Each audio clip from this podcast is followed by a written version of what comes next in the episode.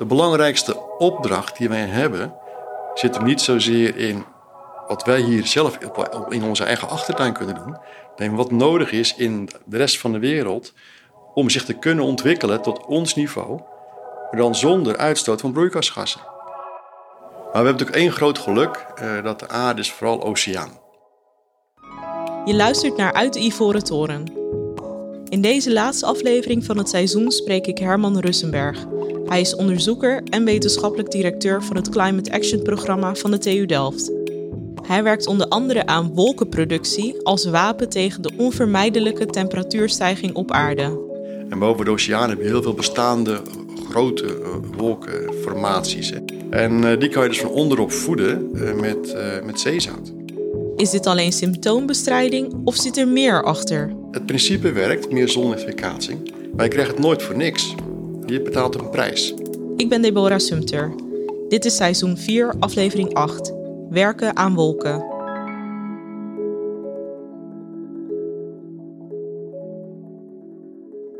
Nou, ik ben Herman Russenberg.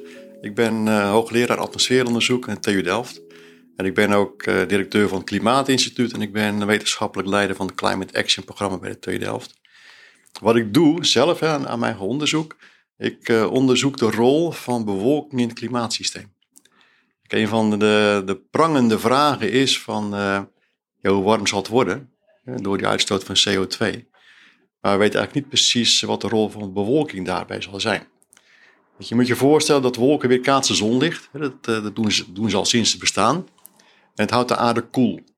En zo, zo door de bank genomen een graad of 10. Zo, als je de wolken weg, dan zou het 10 graden warmer zijn. Nou, maar nu door de toevoeging van CO2, uh, het stijgt temperatuur uh, door, door de broeikasgassen. En de wolken zullen daardoor veranderen. Dus het wolkendek op aarde, die afkoelende werking, zou wel eens meer of minder kunnen worden. Dat is een van de grote, grote vragen in klimaatonderzoek. Nou, daar ik me mee bezig. Hè. Dus uh, niet alleen, de hele afdeling werkt eraan. Ook om te kijken met, met behulp van, van metingen, modellen, een beter begrip van de fysica. En het, het, het, slechte nieuws is dat die afkoelende werking achteruit gaat. En waarom is dat dan het geval? Waarom gaat het achteruit? Kijk, door de opwarming van de aarde, door de CO2, krijg je meer verdamping. Hè, dat kan. En daar zou ik zeggen, nou, dat kan op sommige plekken meer wolken opleveren, want je hebt meer waterdamp. Maar tegelijkertijd zullen ook wolken meer kunnen verdampen door die opwarming zelf. Hè? Dus het wolkendek zou dunner kunnen worden. Wat er ook gebeurt, is dat uh, door de enorme instraling van de zonne-energie en de toegenomen instraling uh, bij de tropen, wordt de lucht van de tropen uh, meer naar noord en zuid gedrukt. En dat duwt het wolkenveld mee op aarde. Dat gaat ook meer naar noord en zuid. En dat weerkaatst minder zonlicht, want dan is de invalshoek van de zon anders. Dus je hebt en te maken met de basale fenomenen van verdamping en condensatie wat verandert, maar ook de verdeling van het wolkendek over aarde gaat veranderen.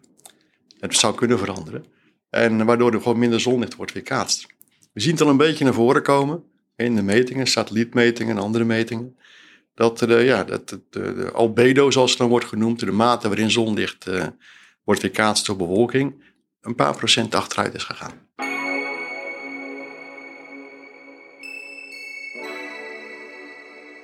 Toen ik jou eerder sprak, vertelde je ook dat je ook werkt aan climate engineering. Um, dus je werkt ook aan oplossingen misschien wel hiervoor. Kan je nou daar wat uh, meer over vertellen?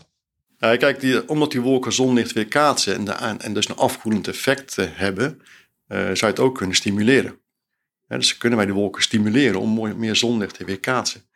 En dat kan je bijvoorbeeld doen, uh, dan moet je beseffen dat elk wolkendruppeltje is gevormd rondom een stofdeeltje, een aerosol zoals het wordt genoemd.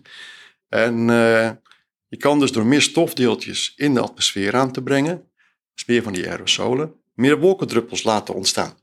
En dan neemt dus de weerkaatsing van zonlicht weer toe. dat, is, dat is het onderliggende principe.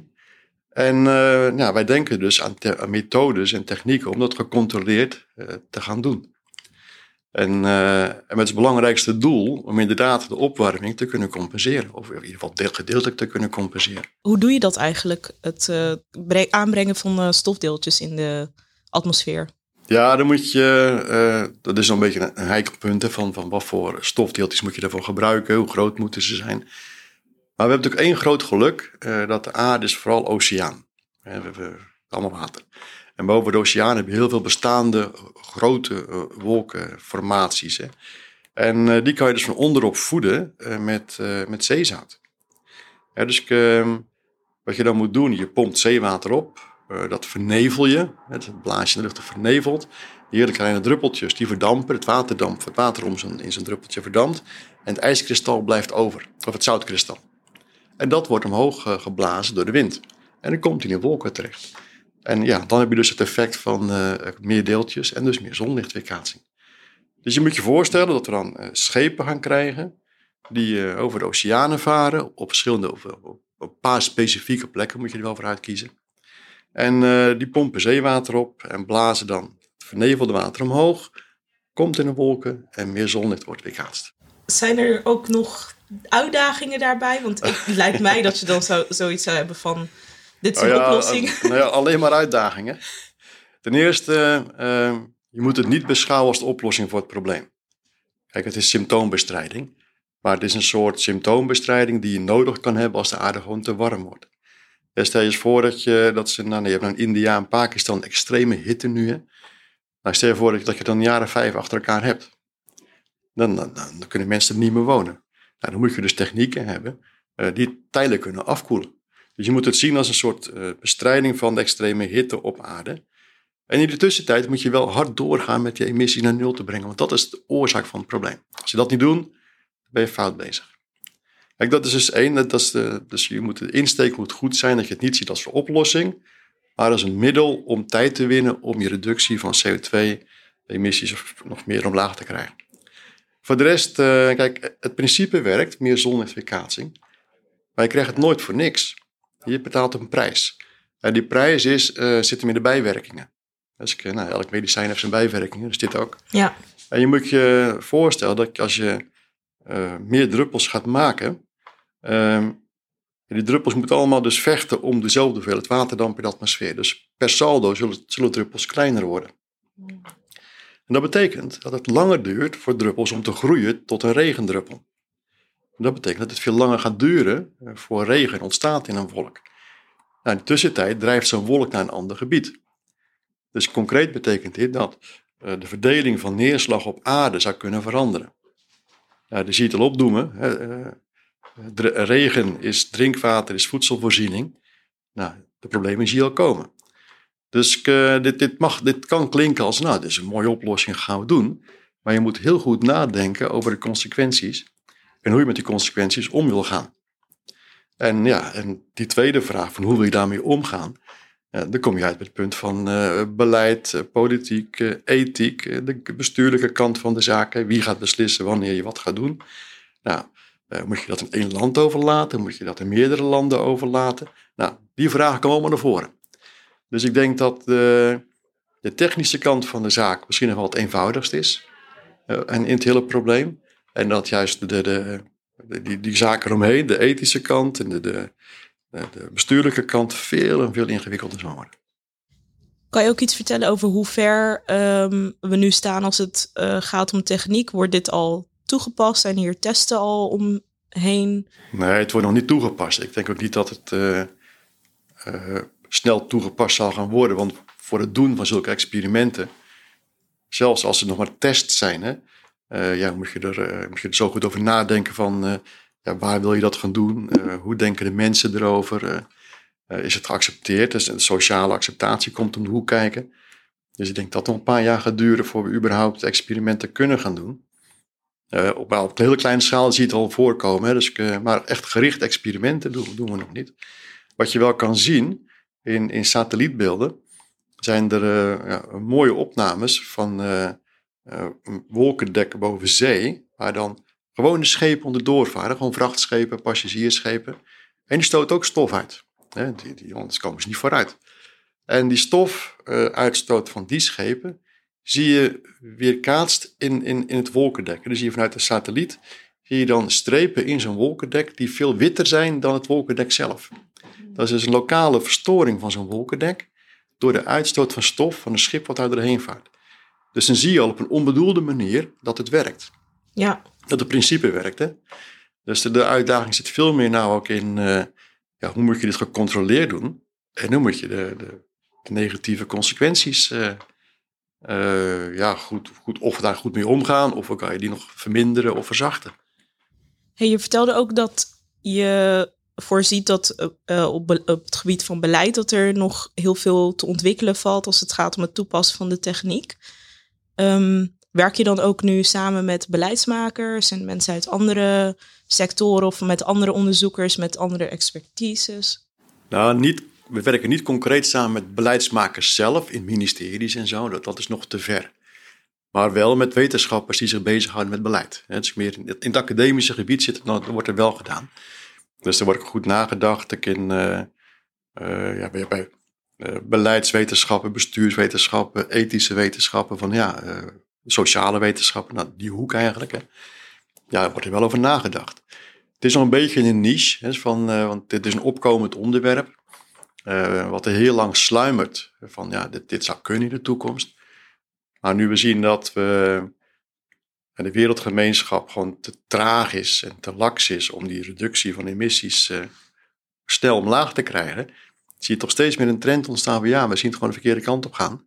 Uh, we moeten klaarstaan straks. We moeten iets gaan doen. Ja. Dus in de academische wereld zie je die discussie veel, veel, veel uh, meer naar de oppervlakte komen. Maar het heeft nog niet het beleid, het, het ministerie bereikt, zou ik maar zeggen. Wat zou daar denk je nog voor nodig zijn om ze misschien bewust te maken van dus zeg maar de, de, het tempo van uh, ja, onderzoek en, en, en de urgentie die gevoeld wordt binnen, uh, ja, binnen de academische wereld versus oké, we moeten ook beleid gaan ontwikkelen om dit ook echt te kunnen gaan toepassen. Nou ja, veel praten, veel luisteraars voor deze podcast bijvoorbeeld, hè, die, moeten, die moeten allemaal goed luisteren. Nee, maar ik denk dat daar gewoon nog veel, uh, veel overleg voor nodig is. Dat het ook bij de beleidsmakers, bij de politici, wordt gezien als een, uh, als een integraal onderdeel van klimaatbeleid.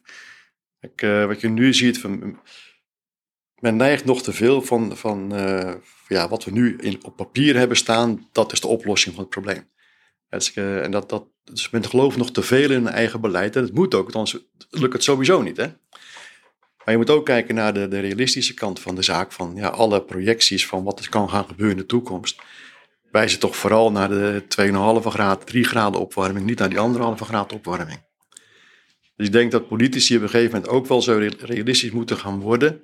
Van uh, ja, we moeten er ook bereid zijn om te denken: van, ja, wat als al die plannen die we nu gemaakt hebben uh, niet goed tot wasdom komen?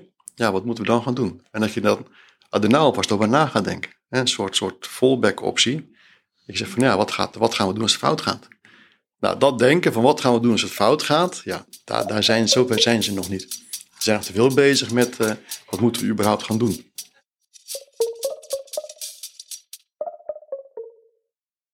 Ik, ik proef trouwens in je verhaal ook nog, ja, natuurlijk het stukje in urgentie uh, van uh, van jezelf. Van oké, je doet natuurlijk onderzoek naar duurzaamheid. Ik ben eigenlijk ook benieuwd uh, hoe, wat was het moment voor jou in je leven dat je dacht, oké, ik moet iets gaan doen met duurzaamheid. Het is super van belang en ik ga hier dus ook onderzoek naar doen. Kan je, daar, kun je ons daarin in, in meenemen? Ja. Nou, ik denk, niet, ik denk niet dat er een specifiek moment is geweest van een soort, soort lampjes gaan branden bij mij van hé, hey, ik moet iets aan nu duurzaamheid gaan doen. Dat is eigenlijk al mijn leven lang zo geweest. Kijk, ik ben, ik heel simpel hè. Uh, ik ben als kind opgevoed van dat je rotzooi op moet ruimen. Nou, die gedachte heb ik nog steeds. Alleen ja, je krijgt steeds beter inzicht als je erin duikt. Steeds meer inzicht in wat die rotzooi is. Het is niet alleen meer een papiertje op straat wat je als kind uh, herkent. Nee, maar het heeft ook te maken met, uh, met de uitstoot van broeikasgas uiteindelijk. Of, of stikstof, hè, noemen een zijstraat. Ja, dus dat het veel breder is. Dus ik denk dat de, de basishouding van ruim je rotzooi op. Of, of maak geen rotzooi ja, dat heb ik misschien mijn leven lang al gehad. Hè, dus als kind gewoon inge, ingeprent. En uh, dat heeft zich in mijn volwassen leven gewoon verder gemanifesteerd in allerlei andere vormen. Dus ik denk niet dat er nou een moment is aan te wijzen. Kijk, als wetenschapper ben ik vooral altijd gedreven door nieuwsgierigheid. Ik wil dingen gewoon begrijpen. En ik vind het gewoon mooi om dingen te begrijpen. Maar de basishouding is altijd geweest van ja, maak geen rotzooi of geen overbodige rotzooi. En het inzicht in wat die rotzooi is, ja, dat stijgt met de jaren. Je bent ook wetenschappelijk directeur van uh, het Climate Action programma in Delft. Uh, kan je daar wat meer over vertellen? Ja. ja, dat is een mooi programma. Het Climate Action programma in Delft. Dat is uh, twee jaar geleden in de stijgers gezet. En nu wordt het helemaal verder ontwikkeld en mensen worden aangenomen en zo. Dat is een groot programma. waarbij de TU Delft volop inzet op klimaatverandering en wat we daartegen moeten gaan doen. En we, we, trekken daar extra mensen voor aan, wetenschappers voor aan. Maar ook hebben we een aantal flagship programma's ontwikkeld. Eigenlijk in, in vier globale domeinen. Een verdieping van de klimaatwetenschap. Het ligt het accent vooral op verdieping van inzicht in regionale klimaatverandering. want dat is de schaal waarop je klimaatverandering voelt en waar ook waar de maatregelen genomen worden adaptatie, het verhogen van dijken en zo, gebeurt op die schaal. Dus wat gebeurt er op de kleinere schaal en wat is belangrijk voor ons? Moet je bijvoorbeeld denken aan regionale zeespiegelstijging, is daar een belangrijk onderwerp bij. Want de zeespiegelstijging zelf, dat is, eh, dat is op zich wel altijd leuk. Kijk, de zeespiegelstijging bestaat niet. Ja, dus die 3 mm, 4 mm per jaar, er zit zoveel uh, regionale variatie op. Uh, afhankelijk van waar je bent op de aarde, hoe is de zwaartekrachtveld op aarde, wat is de verdeling van ijs en water op aarde. Dus het is heel moeilijk om te zeggen wat er nou bij, bij onze eigen kust gaat gebeuren. Of bij de kust van Bangladesh, of waar dan, te, waar dan ook ter wereld. Hè?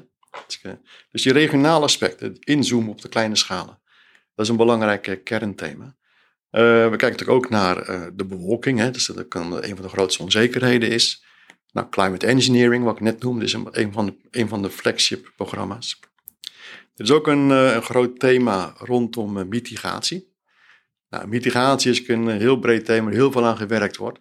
Dus wij hebben vooral gekeken naar de witte vlekken. Van hey, waar moet nog extra eh, worden ingezet? En een van de, de grote uitdagingen zit hem in de negatieve emissies. Ik, we praten steeds over het, uh, het reduceren van bestaande emissies. Maar kijk je naar alle uh, scenario's voor de toekomstige emissies van, van, van broeikasgassen, om onder die anderhalve graad te blijven, is er, wordt er verondersteld dat zo rond 2040, 2050 grootschalige operationele technieken hebben die CO2 uit die atmosfeer kunnen halen. Nou, technieken zijn er nog niet. Er is ook weer iets moois in zo'n klimaatbeleid. Van, er wordt dus uitgegaan van een niet bestaande technologie waarvan men dan hoopt dat hij er straks is. Ja. Nou ja dat is een risico, hè? Maar dat, dat zetten we wel vol, volop in, van negatieve emissies. Van uh, hoe kunnen we CO2 op een efficiënte manier uit die atmosfeer halen.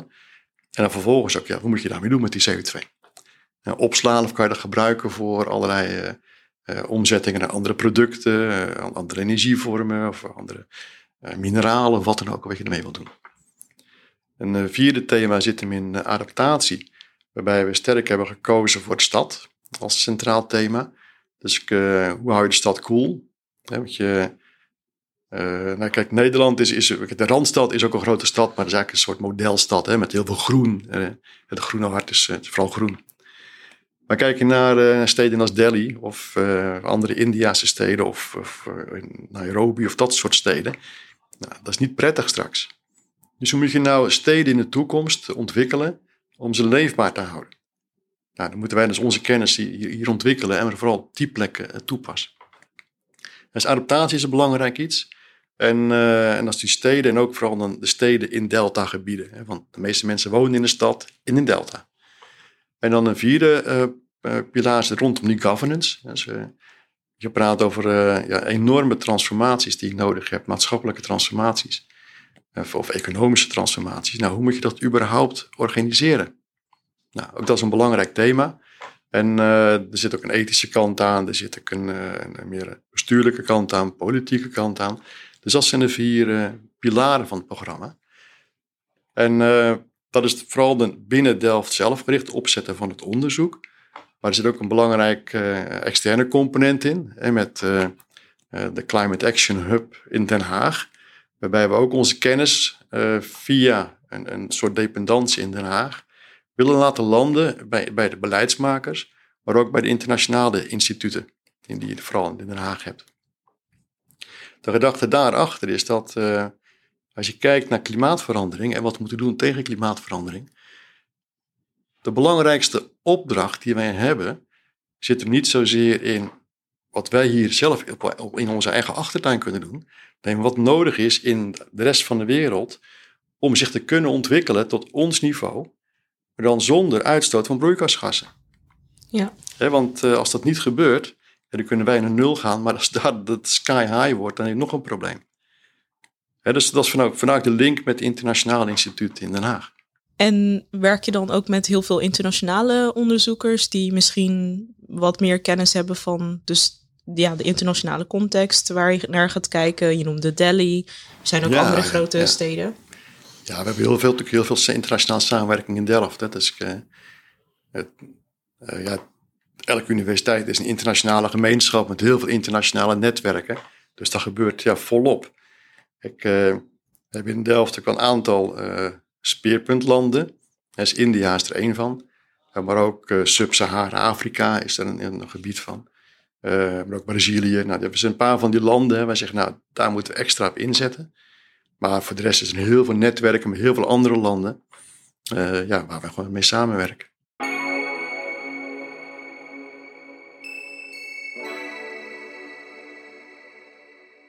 Wordt er in het Climate Action programma eigenlijk ook naar de, de TU Delft gekeken? Dus zeg maar, hoe doet de TU Delft of de omgeving het? Ja, een uh, belangrijke component zit hem in het uh, duurzaam maken, klimaatneutraal maken van de campus. En dat moet in 2030 gebeuren. Dat is dus best wel snel al. Dat is snel, ja. ja de tijd gaat door het, eh, en de klok tikt, tikt, tikt heel snel. Maar dat moet wel gebeuren. Een van de, de pijlers daaronder is dat we naar geothermie gaan. Dus dat de TU Delft in 2030 ja, zijn voornaamste energiebron zal geothermie zijn. Ja, dat scheelt ik al een hele hoop. Want hoe doet de TU Delft het eigenlijk nu? Kan je daar wat over vertellen? Uh, hangt er vanaf uh, welke TU Delft je nou bedoelt. Hè. Bedoel je de TU Delft van uh, de nieuwe gebouwen? ja, dan doen ze het heel goed. dan gaat het heel goed met de duurzaamheid. Praat je over de bestaande oudere gebouwen, dat is een drama. Dat moet echt nog veel gebeuren. Ik, je praat hier over langzame processen. Het, renoveren van oude gebouwen is gewoon een heel langdurige geschiedenis. Er wordt wel volop op ingezet, maar er moet wel veel gebeuren, ja. Maar het nieuwe gebouwen, die zijn, het laatste gebouw geopend, het ECHO-gebouw voor onderwijs, dat is zelfs uh, positief. Hè? Dat produceert energie. Dat is goed om te horen. Dus ja. dat kan. Hè? Dus, uh, ja, we zitten echt in zo'n overgangsfase van, van uh, ja, alles wat nieuw is, nou, dat moet, heeft als randvoorwaarde, moet klimaatneutraal zijn minimaal. Alles wat oud is, moet worden aangepast. Um, ik heb zelf ook op de TU ja, gestudeerd ik zag toen nog in de, ja, de laatste jaren dat ik er zat, dat er uh, ja, ook naar studenten toe, dus dat, er, dat ze afval moesten scheiden, dat soort dingen. Uh, en ik hoor ook nu dat de, um, de bouwkundefaculteit, dat die een volledig vegetarische ja, uh, catering heeft. Um, zijn dat dingen die nog verder worden doorgezet? Binnen de ja, Zie je daar waar studenten echt direct misschien ook mee te maken krijgen of die effect hebben op de studenten? Nou, op studenten weet ik niet zozeer. Uh, kijk, er zijn wel een aantal dingen die, nog, die ook gaan, gaan komen. Reisbeleid hè, bijvoorbeeld. Dus uh, hoe vaak ga je vliegen? We hebben bij ons, dat, dat, is, dat is wat meer decentraal geregeld. Hè? Dat niet zozeer dat het uh, college van bestuur zegt van gij zult niet meer reizen.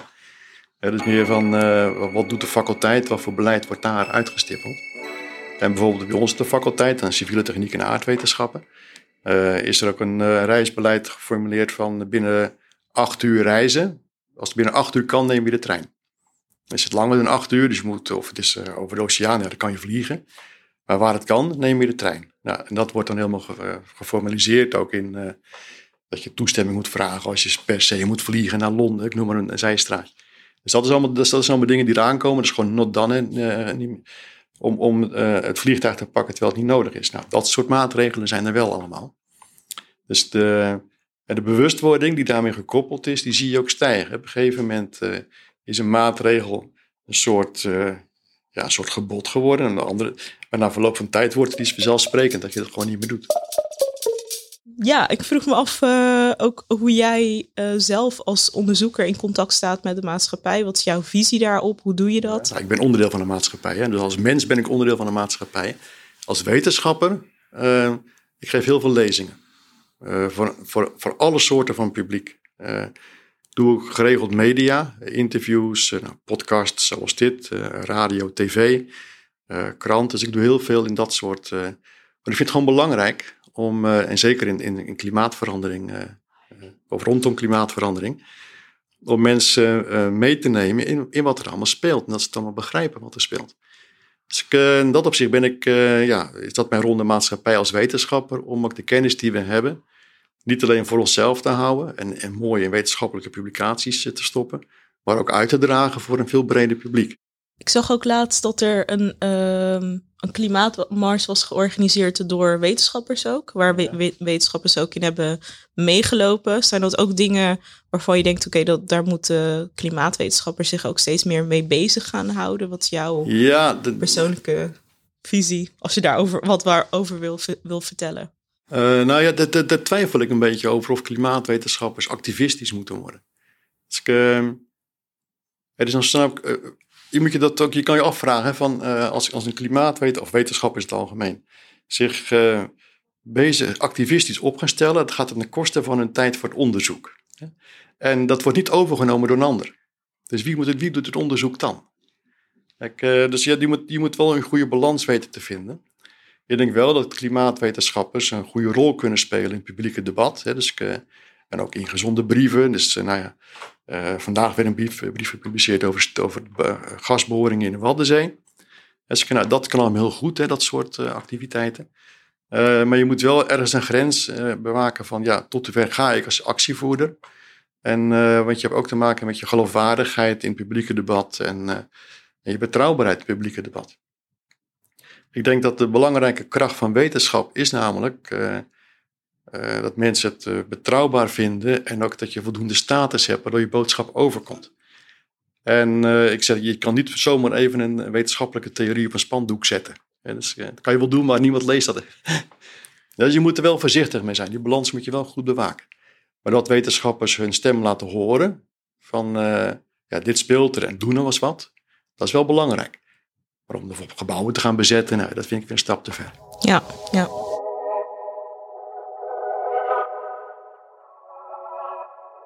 Dit jaar is het lustrumjaar van eh, LDE. LDE bestaat tien jaar.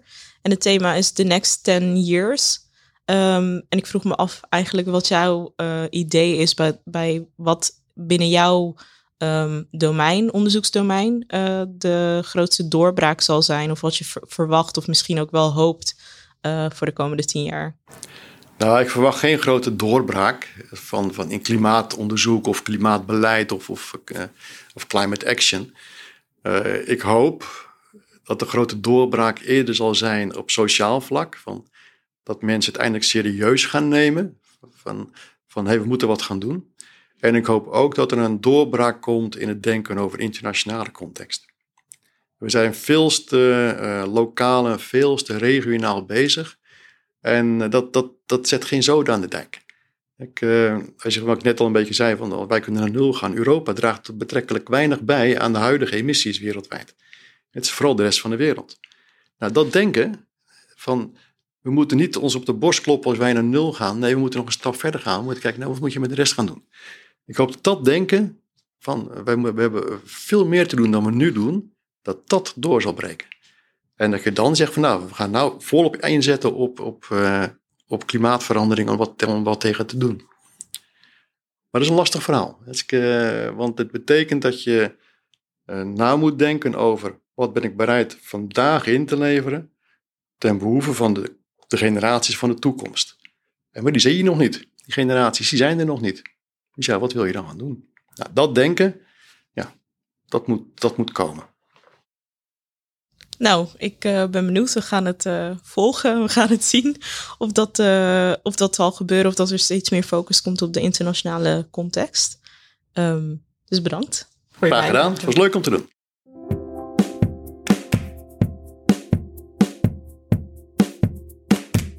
Bedankt voor het luisteren. Dit was de laatste aflevering van dit seizoen. Meer informatie over Herman Russenberg en het Climate Action programma vind je op de website van de TU Delft. De link vind je in de show notes.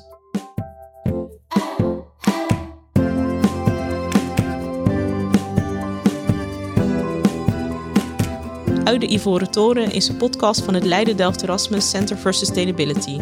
De productie is in handen van Klank.